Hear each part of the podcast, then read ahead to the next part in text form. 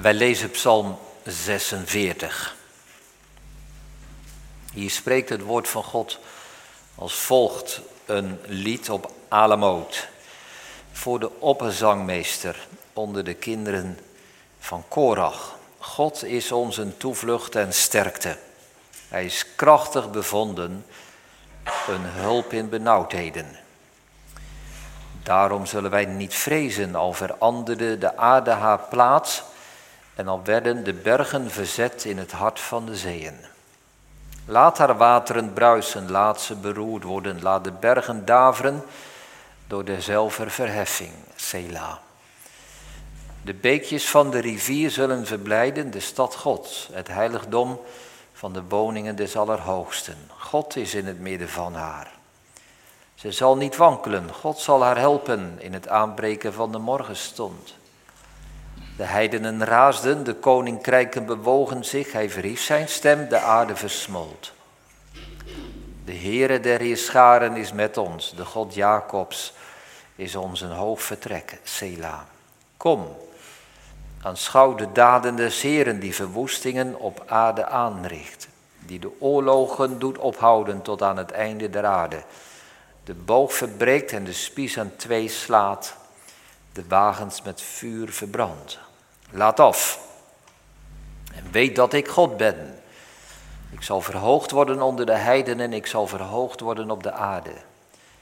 De Heere der scharen is met ons. De God Jacobs is ons een hoog vertrek. Sela. Tot zover de lezing van de schrift. De tekst voor de preek is vers 2. Psalm 46, vers 2. God is ons een toevlucht en sterkte. Hij is krachtig bevonden. Een hulp in benauwdheden. Thema van de preek is bevindingen van anderen zijn beloften voor ons. Bevindingen van anderen zijn beloften voor ons. Drie gedachten. We staan stil bij benauwdheid. Het woord waar de tekst mee eindigt, een hulp in benauwdheden. De tweede, een belofte, waar we de stap maken van de situatie vroeger naar onze eigen huidige leven. En ten derde, bevinding, want daarover gaat de tekst krachtig bevonden. Bevindingen van anderen zijn beloften voor ons, dat schrijven we als thema boven. De preek, onze eerste gedachte is benauwdheid. Gemeente, wat is nu het mooiste, of in ieder geval het meest verrassende woord in onze tekst? Misschien wel het woord bevonden. Hij is krachtig bevonden, een hulp in benauwdheid. Dat gaat over bevinding. Wat is dat, bevinding? Wat is dat? Bevinding, we vinden het antwoord in deze tekst.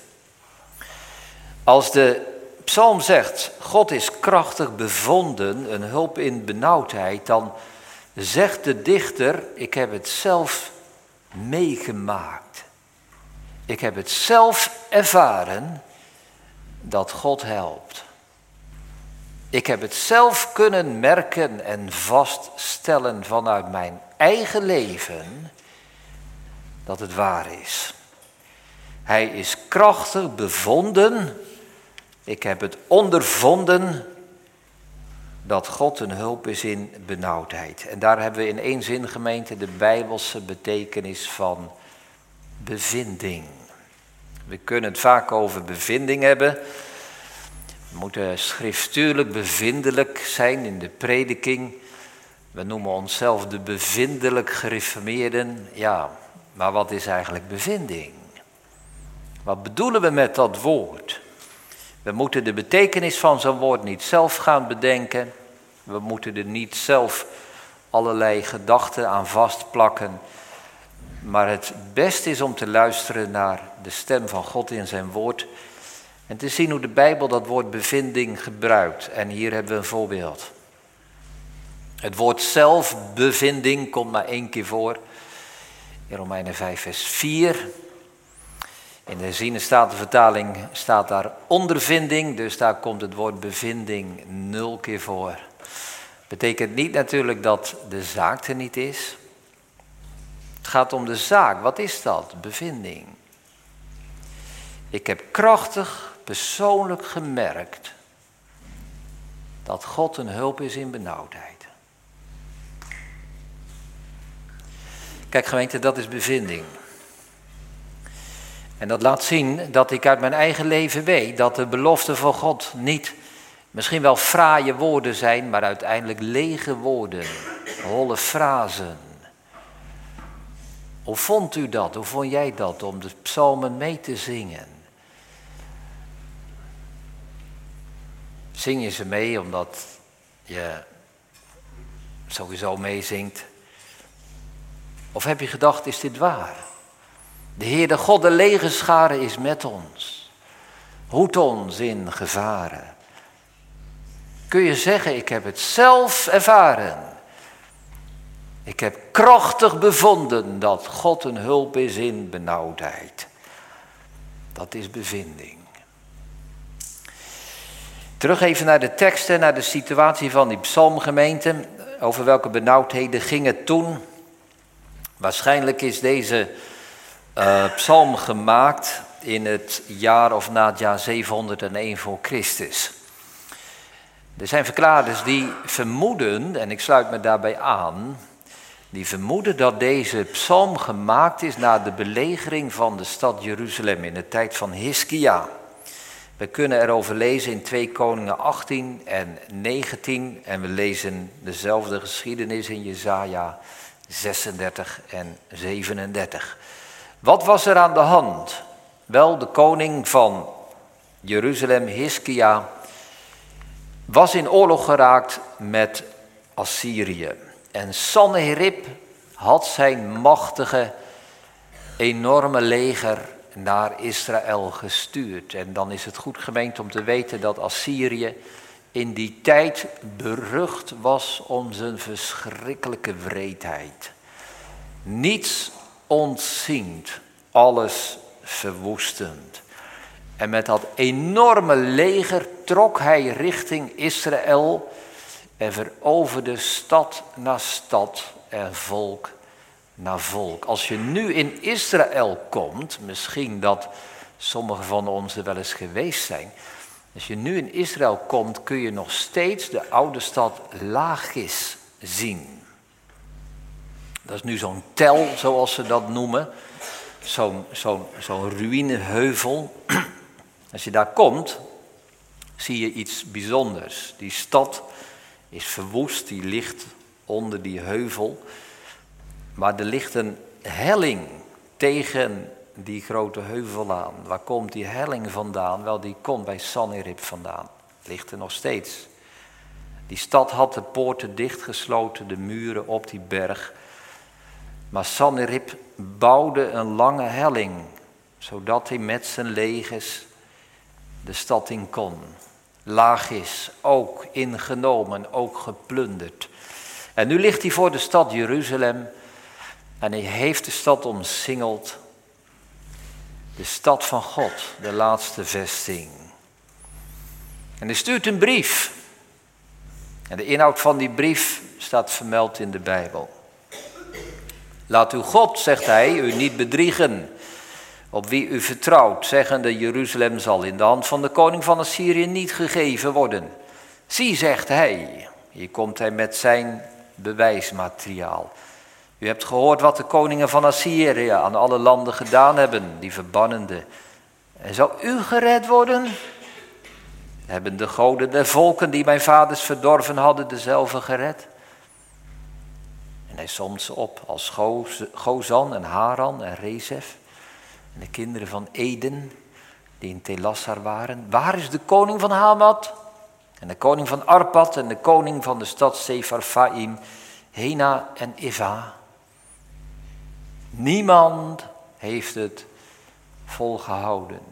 Iedereen is bezweken voor dit leger.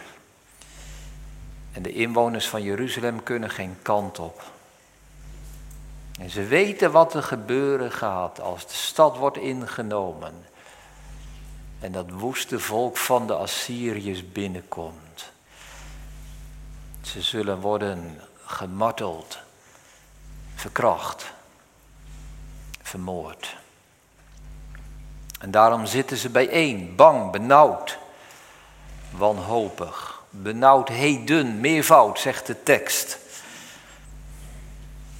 Benauwd, dat zit van binnen, dat zit in je hart, dat zit in je ziel. Niemand helpt, niemand hoort. Behalve God. Hiskia brengt die brieven voor het aangezicht van God. En hij legt ze neer en hij zegt, Heere God, kijk eens wat hier staat. Wat moeten we nu? Help ons. U bent onze God. Wees ons een toevlucht en sterkte. Heeft dat zin? Om God aan te roepen? Maakt het wat uit, gemeente, als wij bidden? Gaat het leven toch niet maar gewoon door? Jazeker maakt dat wat uit.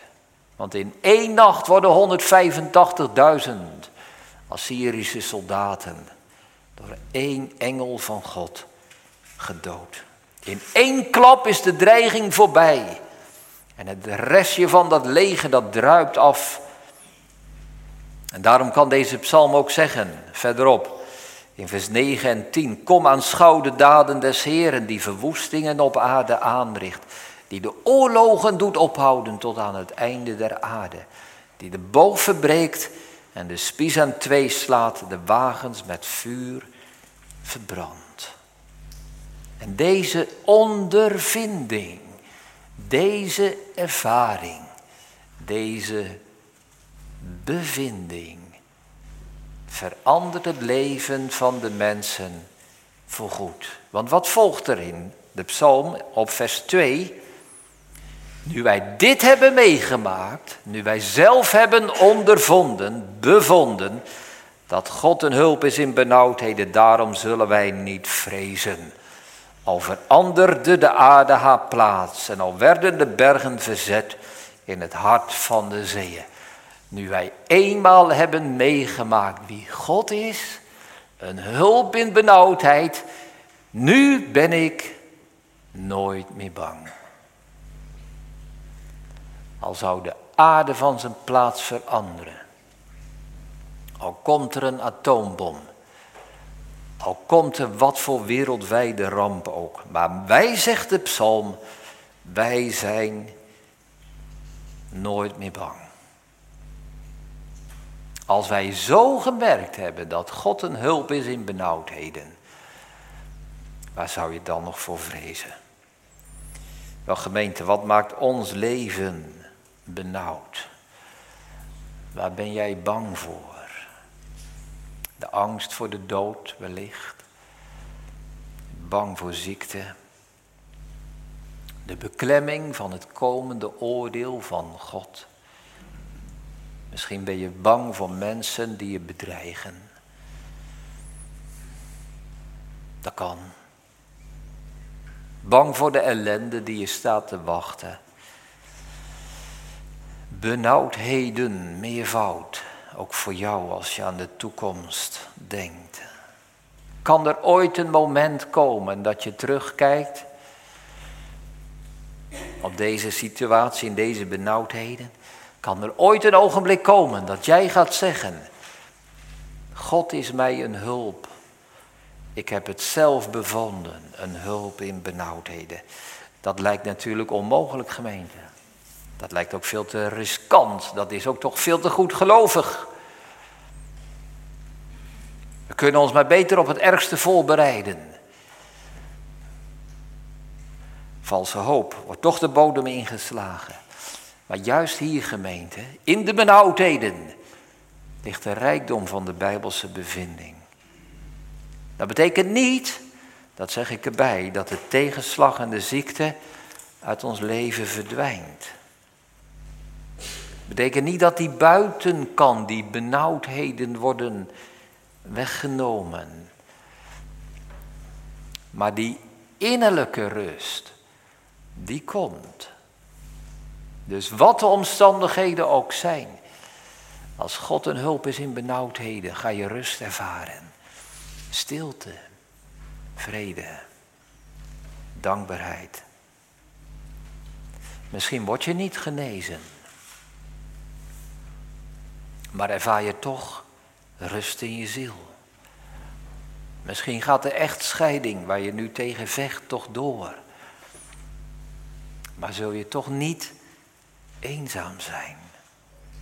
Je bent bang voor de toekomst, maar je leert te zeggen met de woorden van Psalm 46. Daarom zullen wij niet vrezen. Wat er ook gebeurt, dan zal geen vrees ons doen bezwijken, schoon de aard uit hare plaats mogen wijken. Je bent een zondaar, ja, je slaagt er niet in om de zonde te overwinnen. En toch is daar die vreugde van de vrede met God door Christus. Onze eerste gedachte, benauwdheden. We gaan naar de tweede belofte. Ja, zegt iemand, dat is niet voor mij weggelegd. Ik luister graag, zegt u, naar een bevindelijke preek. Ik vind het belangrijk dat het gaat over bevinding. Hoort wat mij God deed ondervinden, daar luister ik graag naar. Maar meer dan dat heb ik niet. Ik ben er jaloers op, maar ik ken het niet. Ik bid erom. Maar verder dan dat bezit ik niet. Toch gemeente heb ik dan nog wel wat te zeggen. Namelijk dat deze tekst in de Bijbel staat. Ja, zegt u, dat is nogal logisch. Het zou toch raar zijn als een dominee preekt over een tekst die niet in de Bijbel staat. En toch gemeente is dit heel belangrijk. De tekst van vandaag staat in de Bijbel. Wat betekent dat? Neem vers 1 erbij. Het is een psalm, een lied onder de kinderen van Korach. Wat, waar moeten we dan aan denken? Wel, die kinderen van Korach die waren dienstbaar in de tempel. Er staat dan ook bij voor de opperzangmeester. Kinderen, dat is een dirigent. De dirigent van het tempelkoor. En er staat bij een lied ook Alamoot. En het woord Alamoot dat betekent waarschijnlijk iets als, als sopraan. Een hoge vrouwenstem. Dit lied moet gezongen worden. Dit lied moet klinken in de tempel. Dus na deze bevrijding van Jeruzalem hebben de kinderen van Korach hier een lied van gemaakt.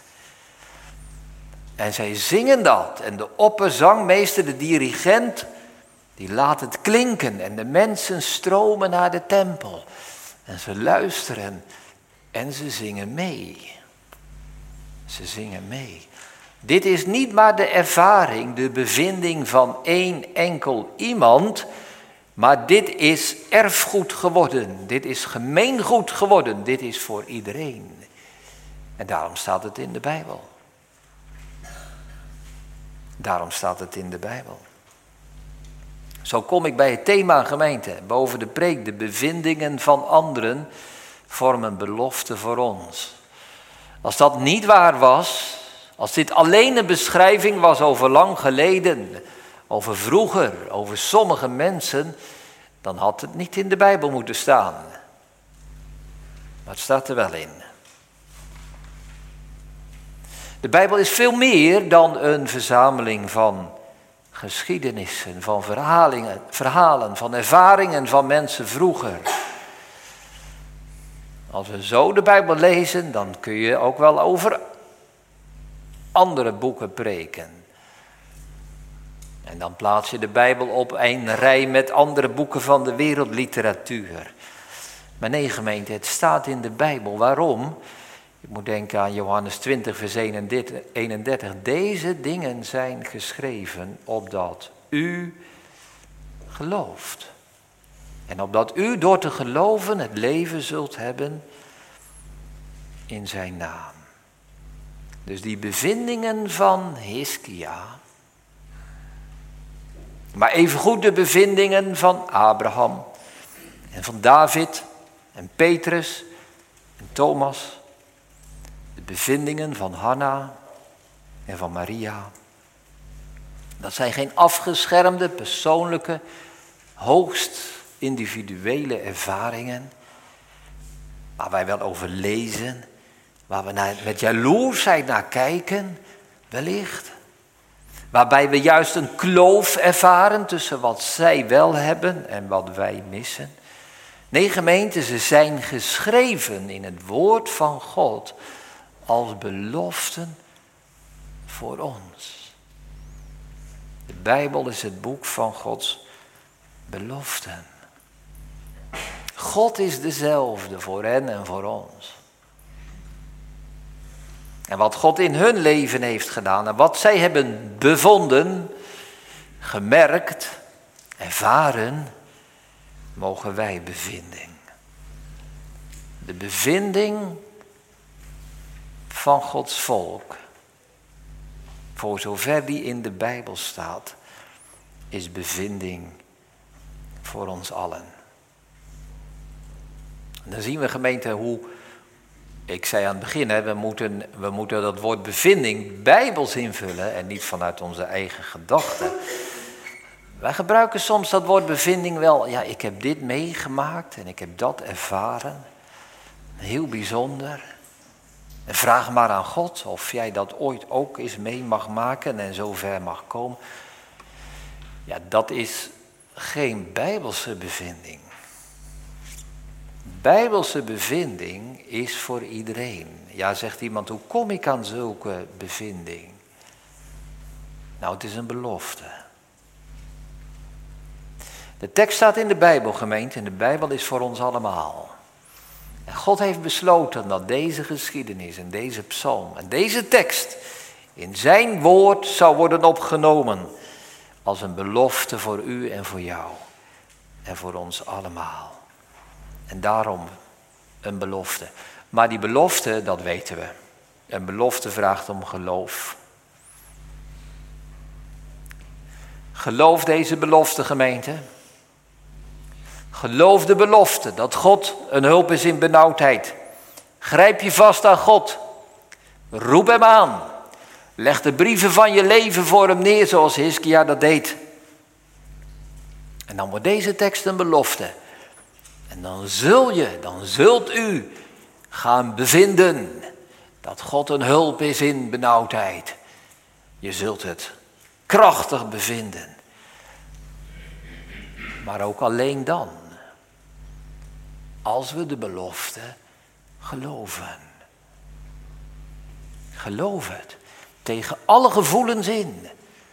Tegen alles wat de stem van je verstand en van je herinnering en van wat dan ook zegt. Tegen de benauwdheid en tegen de angst en de beklemming en de wanhoop in. Tegen de vrees en de onrust. Geloof dit woord nu, dan zul je het straks bevinden.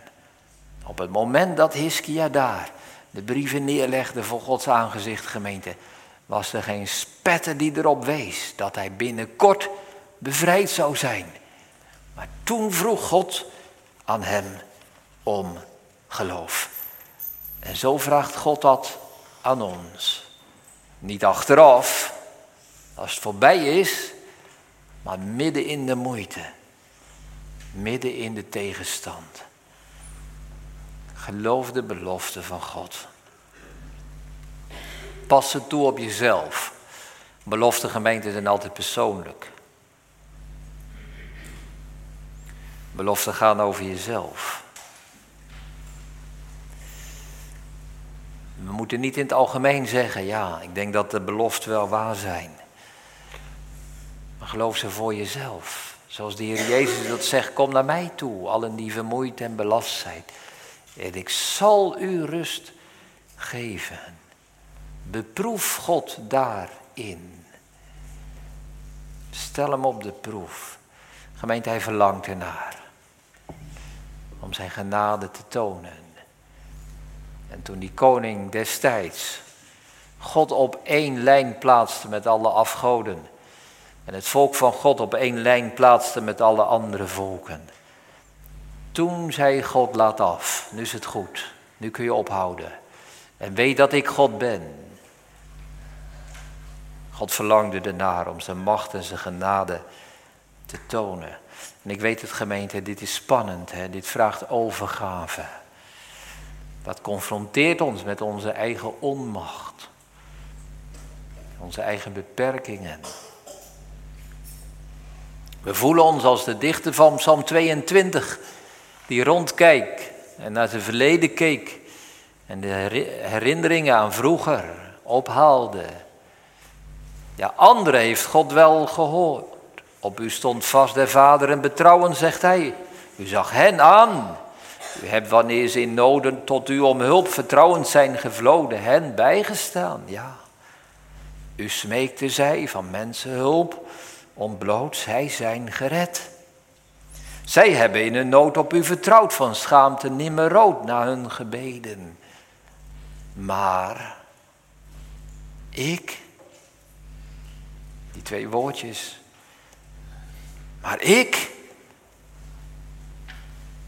ja, Abraham wel en Hiskia ook en Thomas en Petrus en Maria en Hanna, maar ik,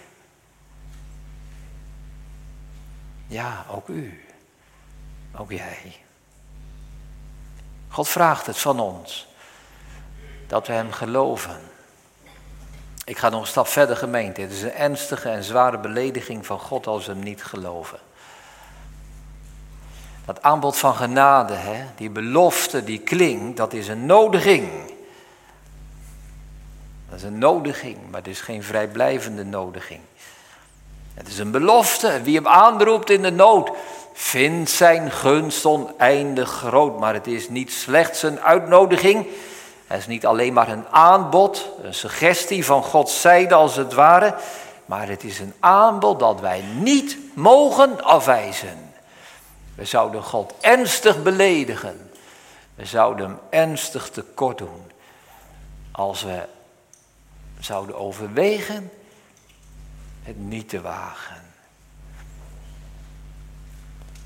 Deze grote Godgemeente die ernaar verlangt om in uw en jouw leven werkzaam te zijn.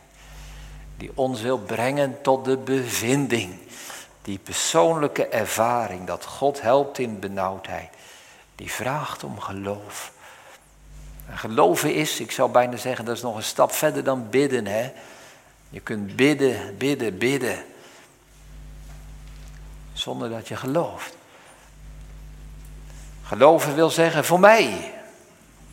Voor mij persoonlijk. Geloven wil zeggen dat je het vaststelt. Zoals Hebreeën 11, vers 1 dat zegt. Het geloof is een vaste grond van de dingen die men hoopt. Het is een bewijs van de zaken die wij nog niet zien.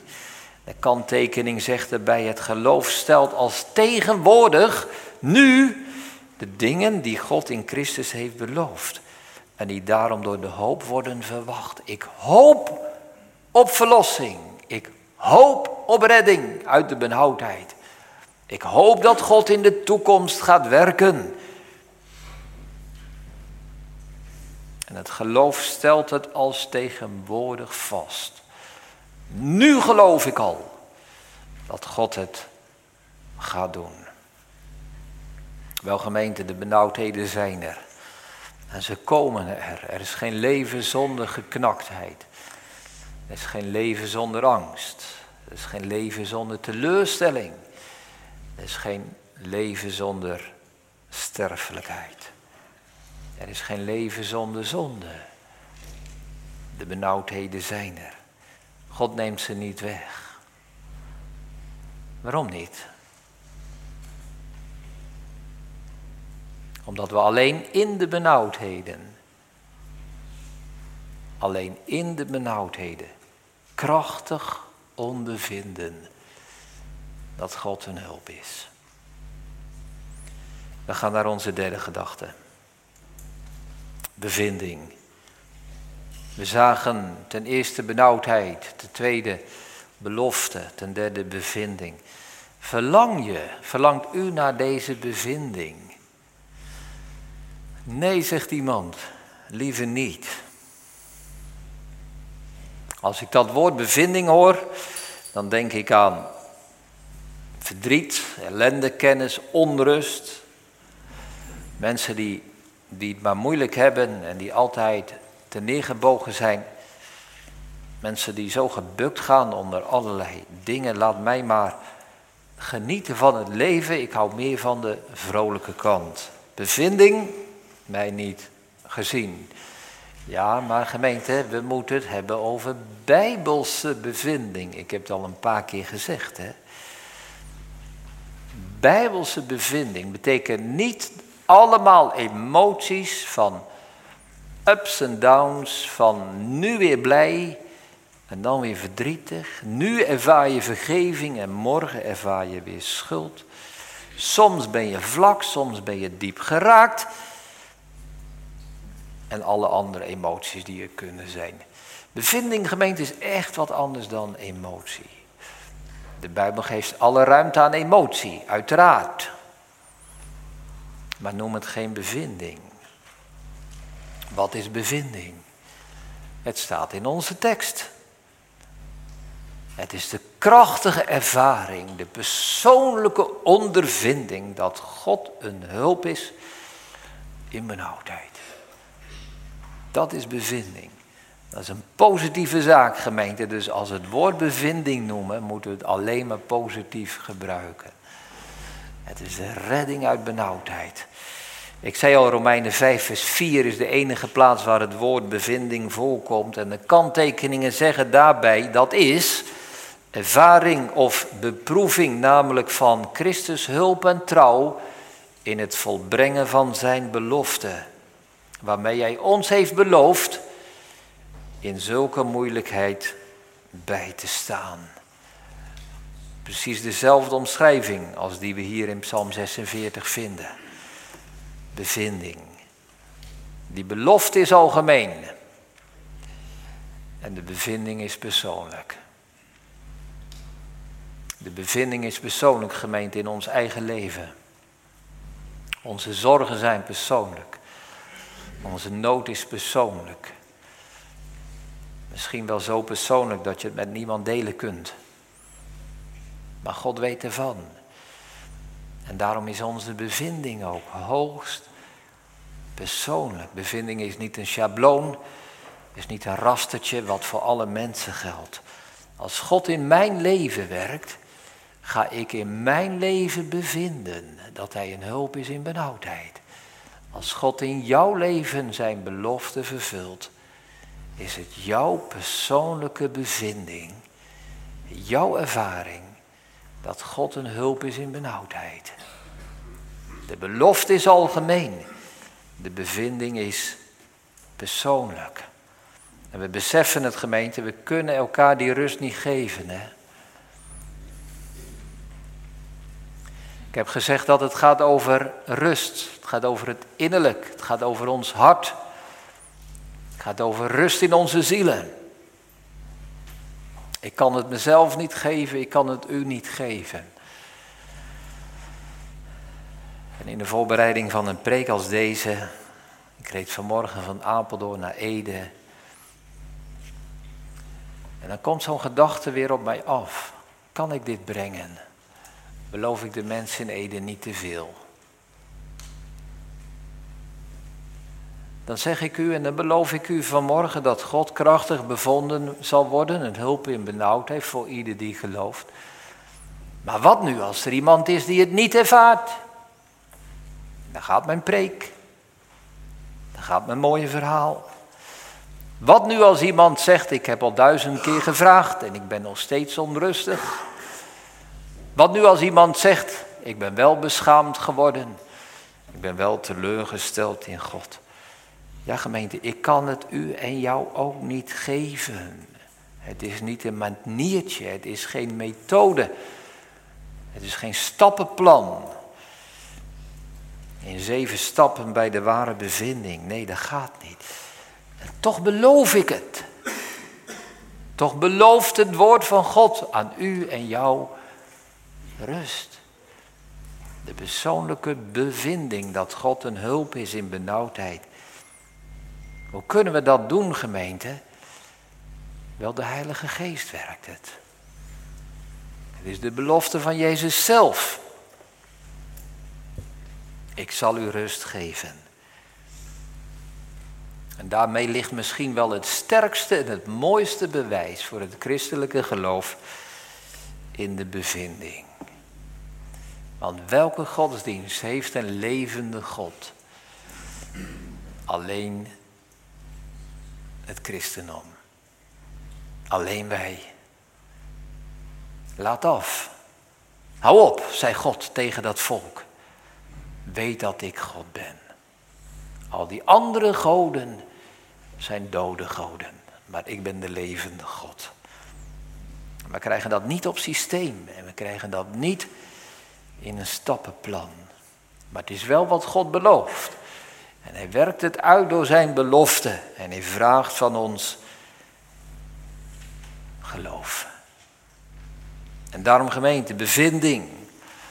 Het gaat niet om ervaringen en bevindingen van onrust, van leegte, van verbrijzeling. Maar de bevinding van rust, van vrede, van vreugde, van verlossing. We gaan afronden. Bevindingen van anderen zijn beloften voor ons. Thema boven de preek. De God van Psalm 46 leeft nog. De God van Abraham leeft nog. De God van Elia, die tot God riep en vroeg om vuur van de hemel, leeft nog. Elia heeft krachtig bevonden dat God een hulp was in benauwdheid. De God van Hiskia leeft nog. Die zijn brieven uitspreidde voor het aangezicht van God. De God van Israël leeft nog. De God van Daniel leeft nog. De God van de vrienden van Daniel leeft nog steeds. De God van Petrus leeft nog. De God van Thomas leeft nog. De God van de Bijbel leeft. Onze Bijbel. En daarom gemeente, als u, als jij bevinding hebt. Kijk eens terug op je leven. Denk eens terug aan die momenten dat God gered heeft uit grote benauwdheid.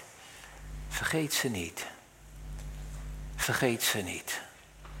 Het zijn aansporingen en beloften voor de toekomst. Doe niet alsof het er niet geweest is. Vergeet de stem van God niet, vergeet zijn genade niet. En daarom voor vandaag, gemeente, voor nu. Ik heb al de namen genoemd van die mensen Maar Abraham is dood. En David is dood. En Hiskia is dood. Wij zijn Abraham. Wij zijn David. Wij zijn Hiskia. Vandaag de dag. Wees vandaag als Thomas. Die zei, mijn Heere en mijn God. Wees vandaag als Petrus, die gezegd heeft, u bent de Christus. Tot wie zullen wij heen gaan? Wij zijn vandaag degene die de belofte van God ontvangen.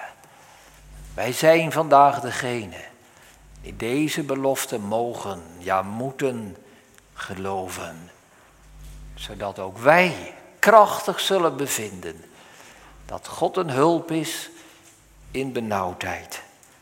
En dan gaan we de toekomst in en spreken wij die woorden na. Daarom zullen wij niet vrezen.